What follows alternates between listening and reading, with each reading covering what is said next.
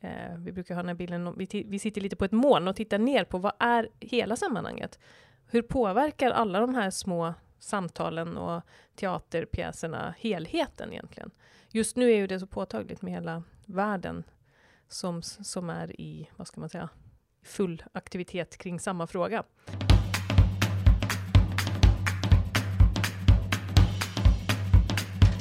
Hej och välkommen till podcasten Art of Collaborating som är producerad av Lenka. I den här poddserien samtalar vi, det vill säga Anna Singmark och jag, Caroline Bottheim, om intressanta böcker som kan bidra till våra förmågor i samverkan.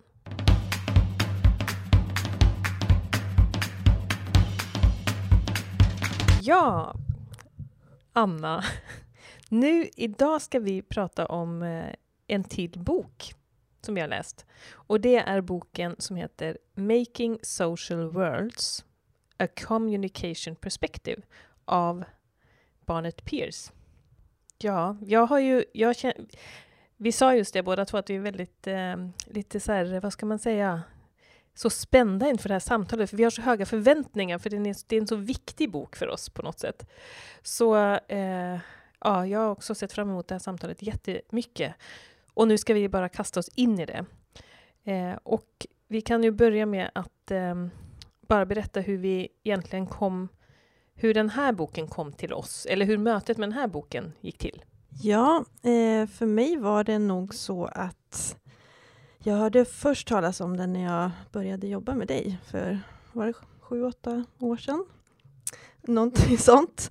Eh, och eh, jag tror faktiskt att du citerade eh, ur den boken då. Jag tror vi satt och jobbade med vår utbildning eh, och du sa, jag tror du citerade honom, det är ett väldigt fint citat som han har eh, vad ska man säga, utvecklat som går ut på What are we making together? How are we making it?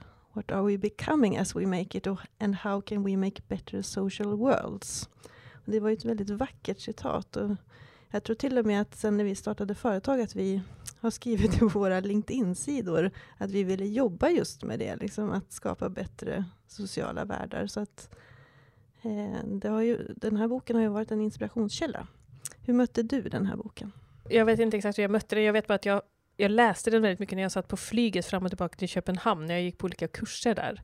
Och jag kommer ihåg att jag liksom satt och läste den och tyckte att den var superbra och samtidigt ganska svår, eh, svår att förstå hur jag skulle omsätta det jag läste.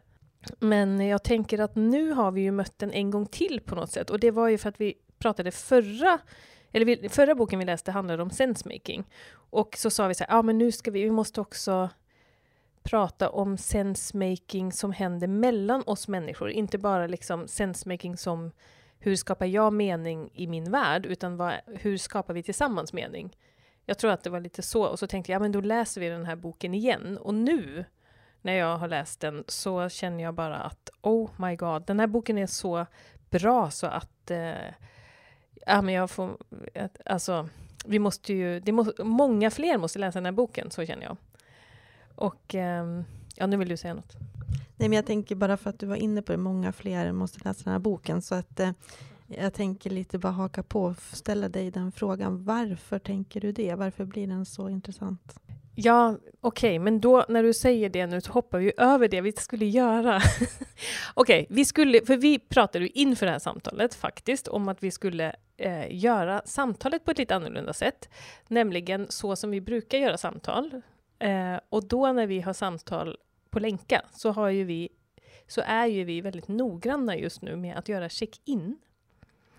Eh, och, eh, så vi tänkte ju att vi ska göra det nu i det här samtalet, bara för att visa hur vi brukar göra. För det är, att vi gör det är, tänker jag, en konsekvens av att vi faktiskt har med oss budskapet från den här boken.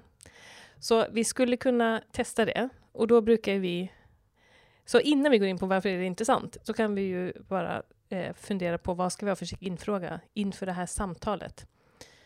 Om vi nu tänker att den check-in-frågan hjälper oss att eh, landa i samtalet och komma lite...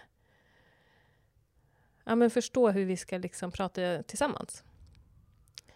Jag vet inte, har du någon så spontan jättebra check-in-fråga just nu? Eh, oj, ja, men jag tänkte väl i och för sig på Eh, vi sitter ju här nu ensamma på kontoret eh, och det är ju lite coronatider. Eh, det är väldigt lite folk i omlopp på stan. Medan vi har ju tagit oss till vårt kontor. Så det blir ändå någonstans, jag tänker mig någon fråga, varför blir det här intressant och relevant att prata om just nu? Vad tror du om den frågan? Varför blir det intressant att prata om den här frågan just nu? För mig då, om jag ska börja. Jag tycker det är intressant just nu. Coronaviruset har börjat sprida sig och eh, det är så många, mycket kommunikation och så många olika budskap som kommer från olika håll. Och eh, det är lite, nu är ju vi inte så drabbade, eller vad man ska säga. Alltså vårt företag är inte drabbat på det sättet att vi måste sitta här och göra krisplaner nu för att överleva. Så vi har ju lite lyx i att kanske kunna sitta och observera lite också vad som händer. Och då utifrån det här att ta ett kommunikationsperspektiv på det. Ja, det är intressant att fundera på hur kan vi förstå det som händer i ett sånt här läge när, när det sker så mycket kommunikation på ett ännu bättre, hur kan vi liksom bli ännu lite mer intelligenta i att förstå vad det är som händer på, och agera klokt. Eller få mer handlingsutrymme. Det, det tycker jag hakar in i den här boken, alltså, och det läget vi är i just nu. Vad tänker du? Ja, nej, men jag håller nog med dig. Eh, på något sätt är den här boken, tänker jag, relevant hela tiden. Den handlar ju väldigt mycket om hur vi kommunicerar mellan människor i olika situationer och att vi kommunicerar ju precis hela tiden eh, i varje situation. Men, men det är ju jätteintressant just på samhällsnivå nu. Nu är det precis som att det vi är en del av olika typer av kommunikation ja, eh, kring en, en stor fråga. Eh, och därför blir det också väldigt intressant att fundera på hur, hur man kommunicerar kring den och vad det får för effekter och vad det får för eh, påverkan på vårt agerande. Precis. Jag tänker också, nu pratade vi lite om mötet med boken, men jag tror verkligen att det är väldigt mycket, både i våra utbildningar, i våra jobb, i, på våra möten, Eh, och väldigt mycket när vi sitter och pratar om eh, våra privatliv också, så, så är det här perspektivet väldigt gynnsamt för att liksom kunna träda tillbaka lite och titta på situationen lite utifrån på ett sätt.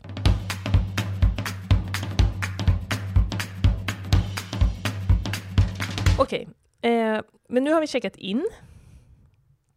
Eh, och då kan vi liksom eh, Ja, men ska vi gå in lite på vad vi vill lyfta fram?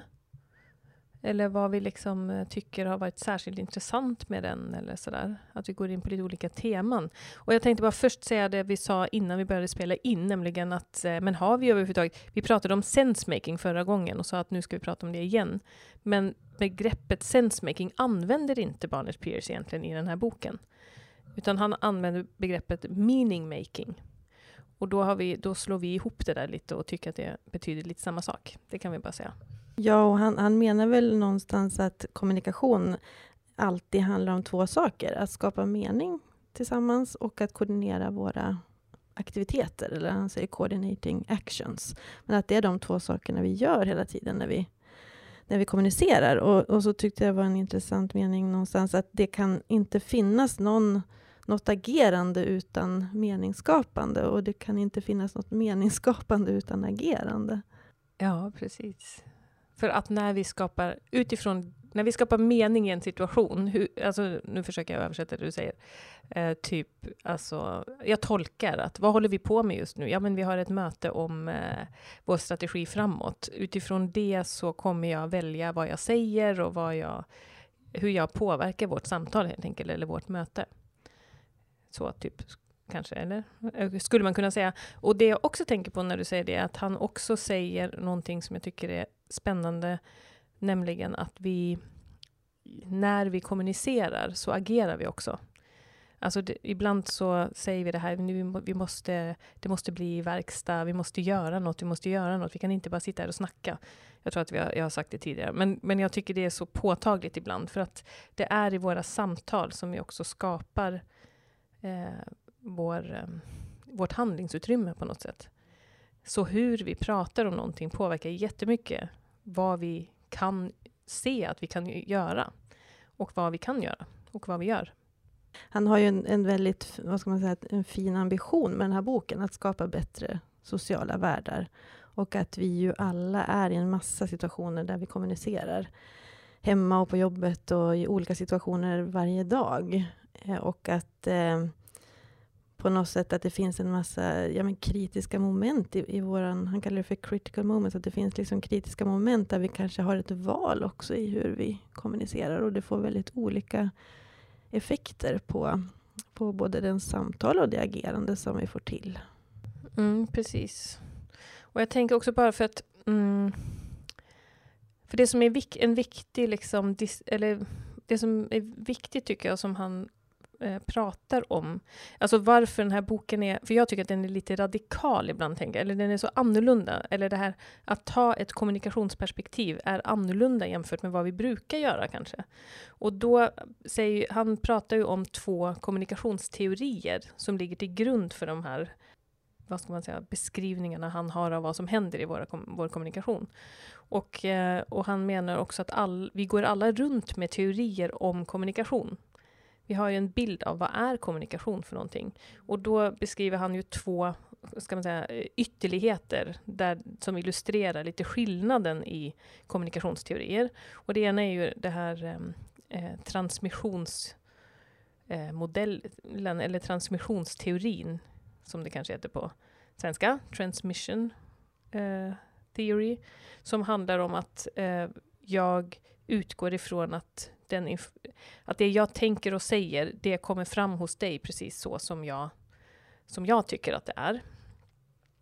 Um, så att information, alltså kommunikation är överföring av information från en till en annan. Den andra teorin, som han tror jag kallar för social, social konstruktion, kommunikation som social konstruktion, det handlar ju mer om att vi, eh, vad ska man säga, det finns liksom ingen objektiv information i det, utan det är alltid eh, det vi, den mening vi skapar tillsammans av det som sägs på något sätt. Det som sägs i ett visst sammanhang, i en viss eh, historisk kontext, eh, utifrån våra olika referensramar, hur vi tolkar det. det. Alltså kommunikation finns inte som en... Det är inte överföring av en sak, utan det är samskapande, eller vad man ska säga. Och det tänker jag är... Det är det som är så... Um, som gör det lite utmanande, tycker jag. För att man är ju ganska van vid att sitta och prata. Jag kan ju sitta och tänka att att du förstår inte du vad jag säger. Jag, jag, måste säga det lite tydligare för du förstår uppenbarligen inte vad jag säger. Eller, eller typ om jag säger så här, men nu har du missförstått mig. För jag, eh, jag menade ju något annat. Hur kunde du liksom tolka det på det sättet? Då utgår jag ju ifrån att det är enkelt att överföra en information på något sätt. Men det här att vi skapar något Ja, men det, det, är något, det tvistar till det lite i mitt huvud i alla fall, när jag tänker på det på det sättet. Och då behövs det andra sätt att hantera det. Ja, nu känner jag att jag vecklade mig in i ett eget virvar. Nej, men det var väl jätteintressant. Han menar väl på just att vi alla är också en del av, av kommunikationsprocessen, att vi är agenter i, i, i, processen. Det är liksom inte du eller jag, utan det är vad vi skapar tillsammans. Ungefär som att vi sitter här och samtalar här och nu. Och vad skapar vi i det? Och sen ger han ju lite intressanta exempel där i början också det ena är ju ett, en kvinna som ringer in till något sånt här nödsamtal på grund av att hon upptäcker att det ligger en madrass på vägen. Och så sen så Eh, den som tar emot samtalet, det blir någon typ av, eh, ja, men de får till en kommunikation i alla fall som gör att de inte förstår varandra och det resulterar till och med att någon sen kör på den här madrassen och dör. Och det var ju ett liksom ganska radikalt exempel på när, när, när de här två personerna skapade någonting som ledde till en en hemsk situation. Och sen det andra exemplet är ju börstal tal efter 9-11 och vad det fick för effekter. Eh, så det är ju också så, liksom, han menar ju också på något sätt att i en värld som är ganska komplex och där det händer så mycket saker så kan vi inte ha ett, jag tror han kallar det för laissez-faire perspektiv på kommunikationen. Alltså att att det är så mycket viktiga saker som pågår och där det sätt som vi interagerar med varandra faktiskt får en reell påverkan. Både det lilla och det stora. Alltså det är också väldigt, väldigt intressant. Alltså det är så intressant, tänker jag. Förutom i de här liksom vardagliga dialogerna som man har själv, men också utifrån ett större perspektiv. Vad, vad får det för effekter, liksom, sättet som, som, en, som vi kommunicerar med varandra på. Ja, och vad tänker tänker du då i förhållande till den här situationen? För det där är ju väldigt intressant, för det sättet vi kommunicerar, han pratar ju om Eh, han kallar det för speech acts, alltså det, när, när, hur vi sitter här och samtalar till exempel, eller vi sitter på ett möte och samtalar, eh, sådär, i det lilla kan man säga. Och sen finns det en koppling till det stora och det globala. Eh, och hur kan man då tänka kring det? Väldigt intressant fråga. Ja, men det, är eh, det finns så mycket intressant. Jag tänker på det här begreppet han också kallade för logical force. Att liksom, vad jag, jag vet inte hur du tolkar men just det här att vi kan också komma in i liksom, eh, språkliga och kommunikativa mönster där vi börjar bara agera lite på autopilot. Liksom. Jag tänker som till exempel i debatter eller när man ska ha rätt eller fel. Eller att det är väldigt lätt att vi bara liksom också hamnar i kommunikationsmönster. Och de mönstren är väl intressanta både på Eh, i vardagssamtalet och i världspolitiken. Liksom. Går vi in i mönster där vi ska ha rätt eller fel eller går vi in i mönster där vi undersöker tillsammans, eh, eller saker tillsammans, får till andra dialoger där vi får fram en rikare kontext och fler perspektiv. Det, det är kanske samma liksom, logical force, eller vad man nu ska säga, i det stora och i det lilla. Precis, mönster. Man kan titta på det som händer mellan oss i ett samtal som ett mönster. Precis, och då kan det vara antingen så här, ja, debatterande. Om någon säger eh, jag tycker så här och så börjar den andra säga ja, fast jag tycker så här från mitt perspektiv. Och så blir det som att det bara förstärker varandras. Man ska bara förstärka sitt eget perspektiv. Eh, ja, det är ju det vi kan se i samverkansprocesser ofta också, när man liksom vill säga sitt perspektiv och så börjar någon annan säga sitt perspektiv och så ska man liksom, som att det blir att man man måste tala högre och högre från sitt eget perspektiv och man ropar högre och högre. Liksom. Eh, och det är ett mönster, för det triggar som en logisk kraft då igång den andra. Och då är vi liksom fångade i det mönstret.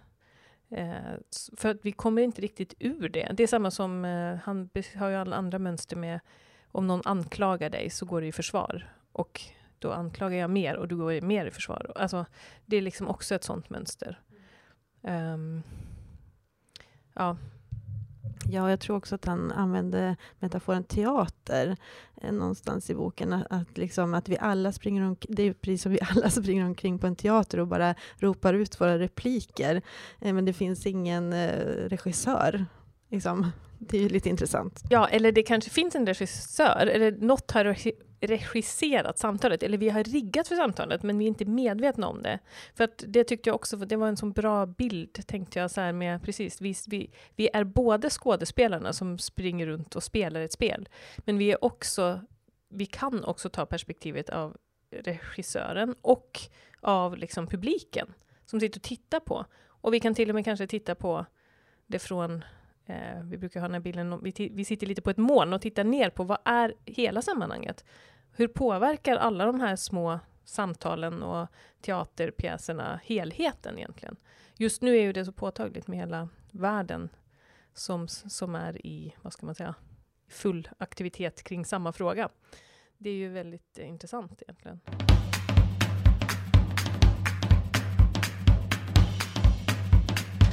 Man då går in i mönster, för det ena är ju att man kanske då, för det är för mig så här att det ändrar lite på hur jag ser på vad som händer i ett samtal. Jag kan till exempel om jag sitter, om jag vet att jag använder exemplet med min eh, dotter ibland, att vi kan komma in i samtal och så bara märker jag efter ett tag att äh, men nu, vi går ju bara i ring här. Det, det är liksom, jag säger något, hon säger, alltså jag vet ju exakt vad som kommer hända. När vi är i sådana lägen, att vi känner det, att nu är det ett sådant samtal igen och jag vet exakt vad den andra kommer säga. Och så blir det liksom, då kan vi ju försöka bryta mönstret. För det är det som är en möjlighet när man tar det här perspektivet, att vi kan skapa ett annat mönster. Och ofta är ju då ett sätt att bryta det, att ställa en fråga. Och det tycker jag också är så spännande med hans um, med den här boken, när han också säger Making Social Worlds, för att han, han utgår ju från en, en teori om att vi är i olika världar. Alla vi har olika världar av, som ger mening för oss. Och att för att liksom, vad ska man säga, koordinera oss i, mellan de här världarna, så behöver vi vara nyfikna på varandra. För det som händer ofta är ju när vi sitter och pratar, så försöker jag liksom eh, tolka det du säger utifrån min värld och min mall av hur det borde vara. Det är ju det som gör att det blir svårt då. Istället för att jag börjar vara intresserad av, jaha, men vad är det liksom som är logiken i din värld? Som inte jag förstår. Och det är ju ett sätt att bryta, tänker jag. Med en, någon form av eh, äkta nyfikenhet. För det är inte bara en fråga, liksom, jaha, men hur tänkte du att det här skulle gå då? Om det blir så här, utan det är ju mer en, en, en på riktigt, det kan man ju känna på energin nästan när någon ställer en på riktigt nyfiken fråga. Men hur, vad, vad menar du egentligen när du säger så där eller så? Så det är ju ett sätt att bryta mönster. Ja, och kanske men locka fram mer kontext. Det är han väl också inne på, att ju, ju, mer kontext vi lockar fram, desto mer kanske vi förstår och då kan vi gå ut ur den här liksom logical force kanske av att ja, men jag har minsann rätt och du har minsann fel. Eller kanske behöver förstå mer av historiken. När började egentligen en det här med en, en, han pratar väl om det här med episoder på något sätt också. Att, att vi, kan, vi kan tänka så att det här började ju då, men, men det, kanske inte, det kanske började för hundra år sedan, eller det kanske finns en annan historik. Och, och om vi bara ställer frågor om, om historiken på nya sätt, så kanske vi lockar fram eh, andra eh, hist historier om vad det är som egentligen har hänt. Så det beror ju väldigt mycket på, som du säger, vad, vad är det för frågor vi ställer och vad lockar vi fram med våra frågor och hur kan vi på det sättet då bryta de här mönstren? Mm. Finns, finns det något annat som du tänker man kan... Om man nu tänker det här, han är ju inne på det här med att kan vi agera mer klokt i de konversationer vi faktiskt har? Eh, får du någon annan sån tanke hur vi kan göra det? Det var ju väldigt bra det du sa, där med att, att fundera på också när började vad har vi för bild egentligen av vad vi pratar om och när det började och, och sådär. Men också kanske tänka på vad kommer det få för konsekvens. Han pratar ju om något som man kallar för afterlife av en kommunikation.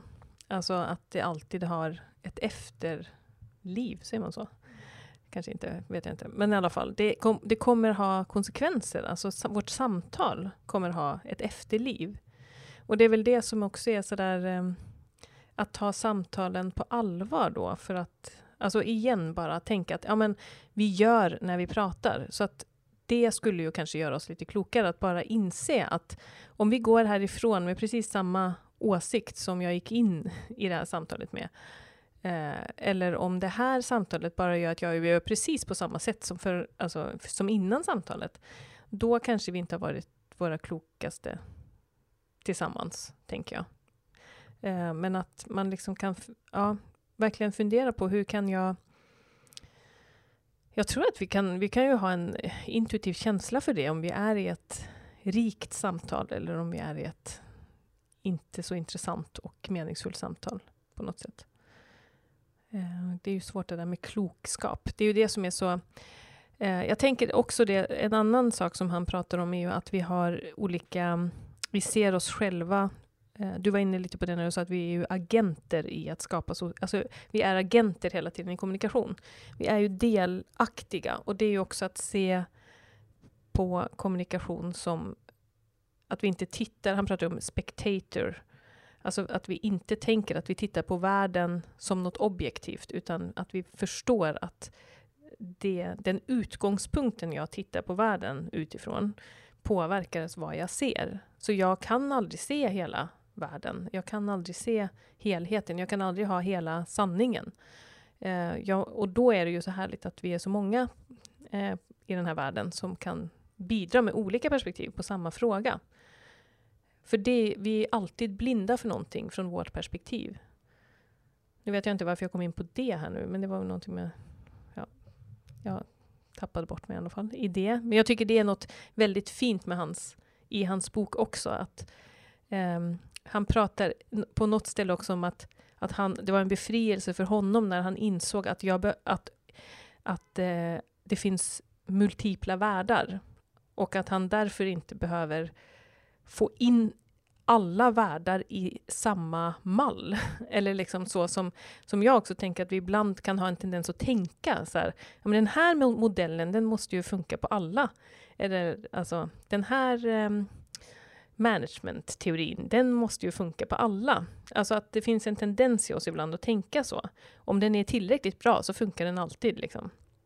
Men att, att det här öppnar upp för att tänka att, eh, ja, vi, att vi alltid kan lära oss. Att det är mer utforskandet kanske som blir in, mer intressant också än att, allt ska, än, att vi, än att vi ska ha rätt. Eller så. Ja, visst, och, och även kanske kopplat till världsbilder på något sätt. Att, att olika delar av världen vill ibland på något sätt eh, övertyga de andra om att de har rätt världsbild. Eh, och det där med världsbilder pågår väl också på olika nivåer. Att vi, eh, det, det, är någonstans någon kraft i att vi tänker, men tänk om alla andra bara tänkte som jag, då skulle det vara så himla skönt. Men att det inte är så, utan det finns hela tiden en massa olika bilder av samma sak.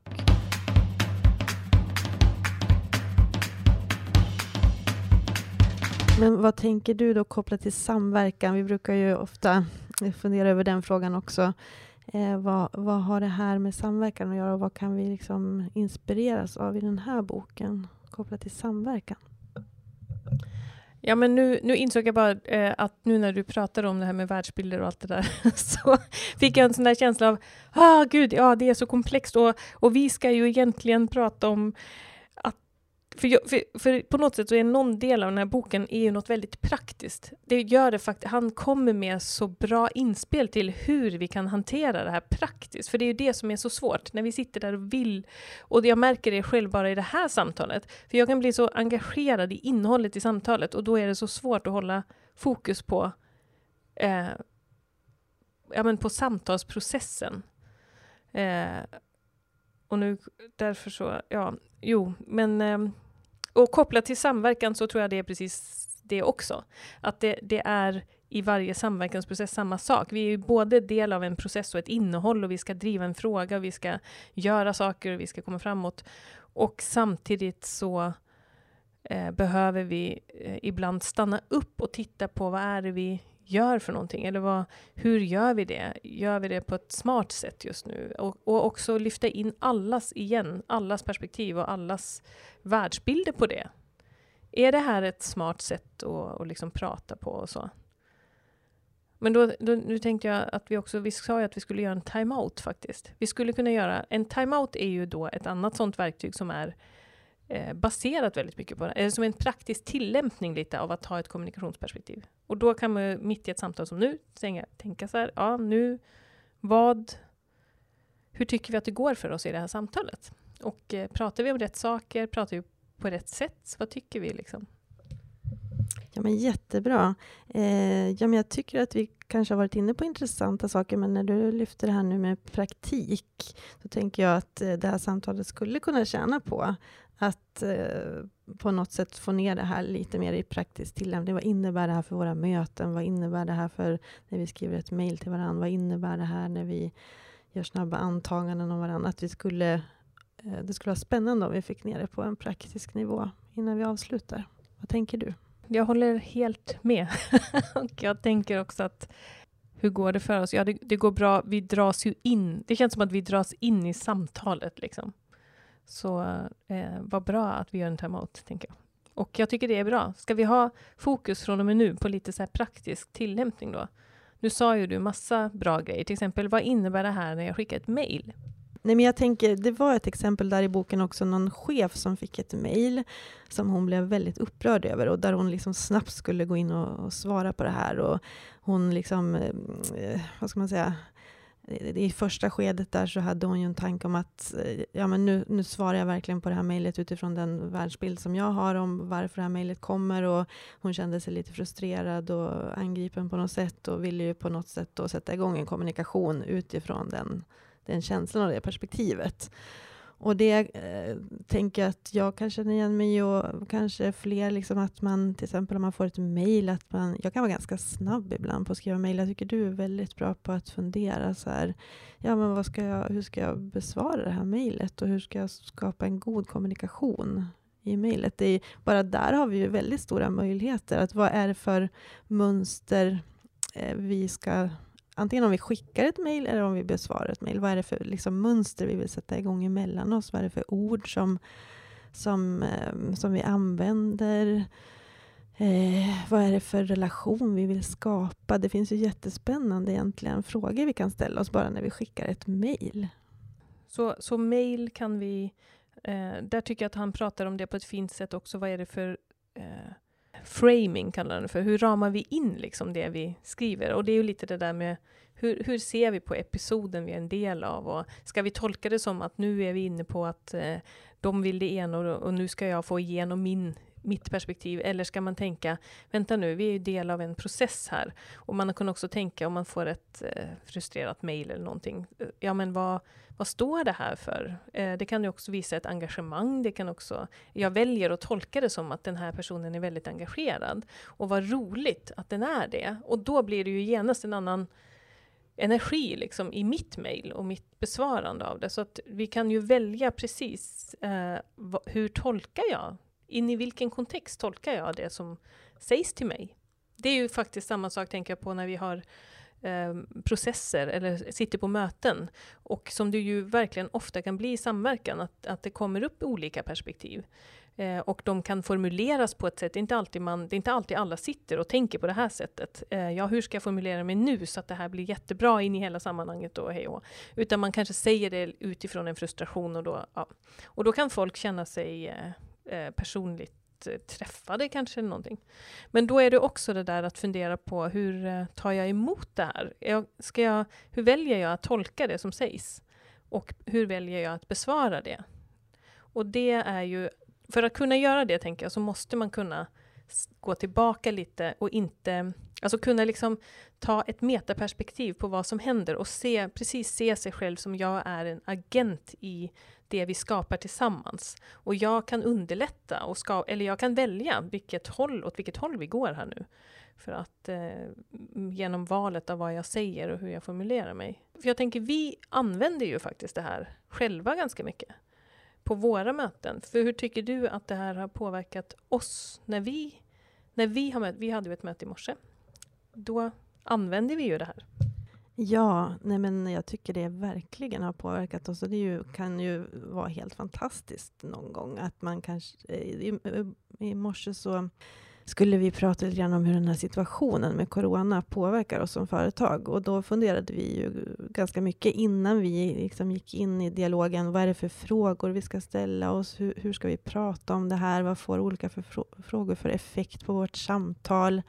Eh, och bara genom att göra det eh, så fick vi ju till liksom, designade en samtalsprocess som, som blev väldigt, eh, tycker jag, energifull och erkännande. Eh, och om man då skulle jämföra med att bara gå in rakt i en diskussion, kanske med lite stress i kroppen eller liksom känna sig så påverkad av den här händelsen på olika sätt och bara börja prata, så, så tänker jag att, att bara det skapar väldigt eh, eller man har, har, en möjlighet att skapa bättre dialoger. Eh, och det kan vi ju också se, tänker jag, i, i olika samverkansmöten, olika möten, bara att liksom, sättet så att ställa en fråga eller eh, fundera på vilka mönster som, som kan skapas av den här frågan eh, har ju varit väldigt värdefullt på olika sätt. Och du har ju som sagt varit väldigt duktig på att tvinga oss att göra check-in. Vilket är så roligt. Eh, apropå mönster, det har också blivit ett mönster att jag säger det. och att du gör det och att jag alltid är så här, ja ja, okej okay då. men, det eh, men det är ju så bra. Eh, och, eh, och just att kunna lägga tid på faktiskt, alltså för det är väl det också att eh, så återigen att, att se det här som ett väldigt gynnsamt, vad ska man säga, något som gynnar vårt samtal och vår gemensamma klokskap. Att det gynnar oss att lägga en 20 minuter kanske på att fundera på hur vi ska prata om det här närmaste timmen. Det lönar sig faktiskt, för att det gör att vi, att vi båda också börjar koordinera oss redan. Alltså redan när vi pratar om hur vi ska prata om det så koordinerar vi oss ju. Eh, och, eh, och skapar också en ra, inramning av det vi ska göra. Och visar ju på något sätt i handling att vi tar det på allvar. Vi tar samtalet på allvar. Och jag tänker på, när vi bara tänker på vad som kom fram i vårt samtal idag, som jag tror eh, kan spegla många samtal, så var det som att det blev, vi fick syn på väldigt mycket möjligheter och väldigt mycket och mycket energi och mycket ja, men vi grundade oss lite också kanske i var, var vi står och sådär. Och, eh, och det tror jag att så många skulle gynnas av just nu också, liksom i, på, i sina organisationer, när man all, alla behöver tänka om, vi behöver göra saker på nya sätt. Men vi kanske inte är så vana att ha den sortens samtal. Alltså, och, och det kan vara bra att vara medveten om hur vi för de samtalen för att få ut det bästa vi kan av dem. Ja, men precis. Eh, och det är ju jätteintressant i olika samverkansprocesser att fundera på ja, men vad, vad, är det för samtal vi ska föra, vad är det för frågor vi ska ställa, hur, vad är det för, ja, men hur ska det här gynna vår process? Eh, och det är också jätteintressant, tänker jag nu också kopplat till det vi var inne på när vi började med det coronavirus som vi nu har eh, in på oss.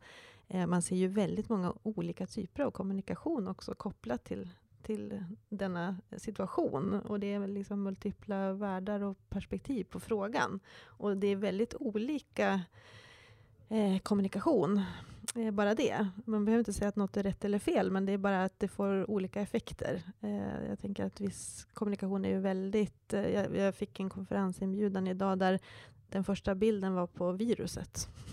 så det var liksom inte, det var inte om temat kopplat till konferensen. Så det kom bara en bild på viruset och så sen lite längre ner stod det eh, Eh, vill ni träffas och prata om den här sakfrågan då?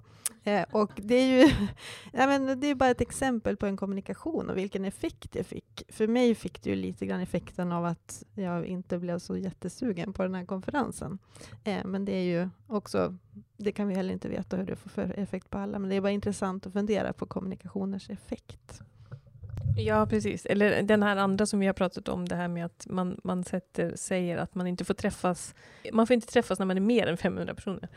Och att det har, leder till att folk ställer in alla möten helt plötsligt. Alltså, det, det är som att det blir liksom, effekten blir en helt annan. Det kan ju vara en effekt av massa, an, massa annan kommunikation också, men det är liksom, det är väldigt intressant hur vi påverkar varandras beteende och Ja, jag har också tänkt på det att jag har ju, alltså det finns ju liksom nu den här bilden av expertmyndigheten, Folkhälsomyndigheten, alltså, eller experter, eh, epidemiologer och hej och som, som på något sätt ska eh, kommunicera sanningen i citationstecken då. Men grejen är att precis, de kommunicerar ju det bara från sitt expertområde. Så att så det är ju liksom, de kan säga något om smittspridning, men de kan ju inte säga något om eh, beteendeförändringar i samhället eller om eh, ekonomiska konsekvenser. Alltså det, det, he, helhetsbilden kan de ju inte ge. Och det är också så intressant att vi har ibland det här paradigmet av eh, expert. Nu är det viktigt att lyssna på experterna. Fast de är ju alltid också blinda för någonting. Alltså, och det pratar vi inte så mycket om. Så jag, det är också så intressant. Och ja, det finns ju inga svar på detta, men det är precis, jag tycker också det är intressant att se nu att det händer så mycket kommunikation. Så mycket handlar om kommunikation just nu. Och eh, det skulle vara intressant att bara försöka ta eh, ett kommunikationsperspektiv på det. Det skulle vara intressant att höra Barnett Peers eh, reflektion på detta till exempel.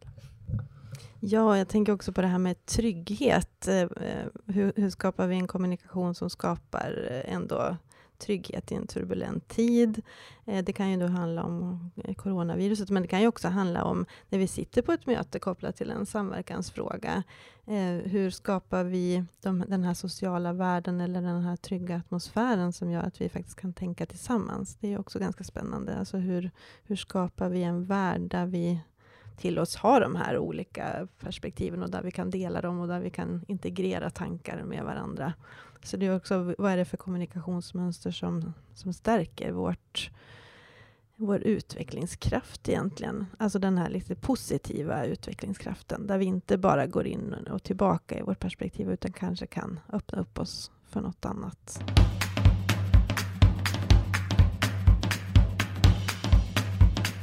Vad, vad inspirerar den här boken dig till? till stora frågor. Men eh, den inspirerar ju mig jättemycket. Eh, jag önskar att jag kan ta ett klokt kommunikationsperspektiv på mina olika situationer i livet. Ibland tänker jag att jag kan det, ibland så tänker jag att jag inte kan det. Eh, men eh, jag tycker de här perspektiven är oerhört intressanta och värdefulla och eh, där man faktiskt i många situationer kanske kan i de här lite kritiska punkterna, att till exempel välja att gå i försvar eller välja att vara öppen med en fråga, att, man ändå kan, att jag kan ändra på olika kommunikativa mönster i, min, i, min, i mitt liv. Så det inspirerar ju mig i mitt liv. Och sen så inspirerar det mig också jättemycket kopplat till de samhällsfrågor som vi är inne i och de här komplexa frågeställningarna. Hur kan vi, hur kan vi vara ett bidrag i att um, Liksom att eh, prata om de här sakerna och få till eh, kommunikativa mönster och inspirera andra kanske till att läsa den här boken. Att många eh, komplexa frågor tror jag skulle tjäna på det här perspektivet. Vad tänker du? Vad, vad inspirerar dig kopplat till boken? Det känns som att jag vill läsa den om och om igen och påminna mig om och om igen om de här sakerna. För att jag tror att jag också blir så påverkad av eh, av så mycket annat som, som inte styrs av ett kommunikationsperspektiv. Så att det är ju det som är lite det där att när man glömmer bort att göra check-in och man glömmer bort att ta ett kommunikationsperspektiv, det är ju för att det är kanske få som gör det. Vi har inte tränat så mycket på den muskeln helt enkelt. Och så att jag, eh, den inspirerar mig att, eh, att göra det mer och att eh, hitta ord för ja, men mer ord för de här sakerna som vi jobbar med. Process, samtalsprocesser, vad är det som händer mellan oss? Vad är det som händer mellan våra um, olika begreppsvärldar och uh, vad händer i vårt samhälle? I, ja, det, jag tycker att det skulle vara kul att sätta mer ord på, på just det som händer mellan oss kanske.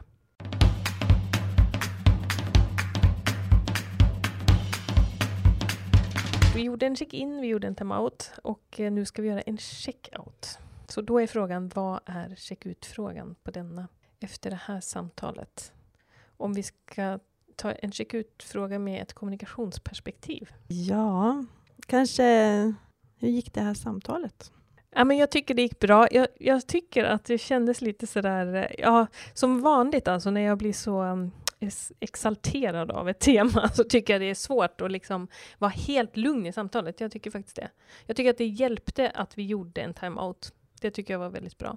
Och, eh, det är ju det där när man, apropå kommunikation, man vill förmedla, man vill säga så mycket för att man tycker själv så mycket om det och då, eh, ja, då blir man en sändare.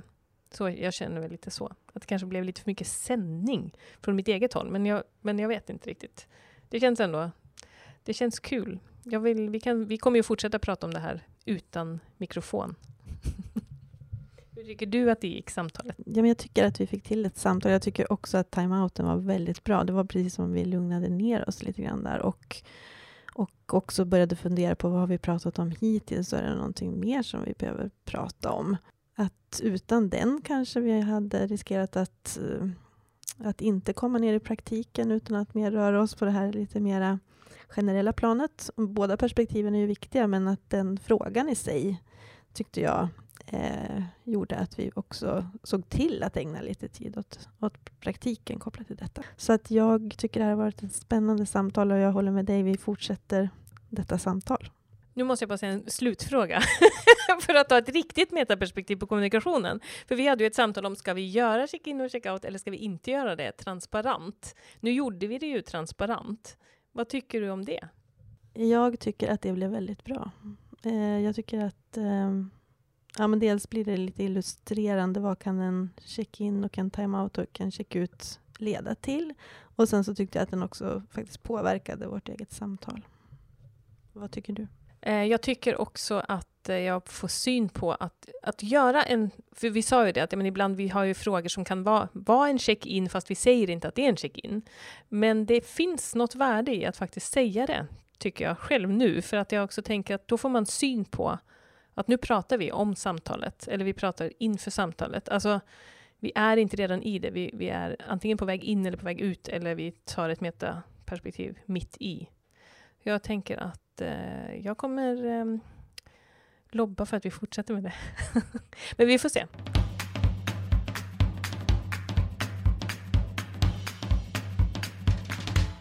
Tack för att du har lyssnat.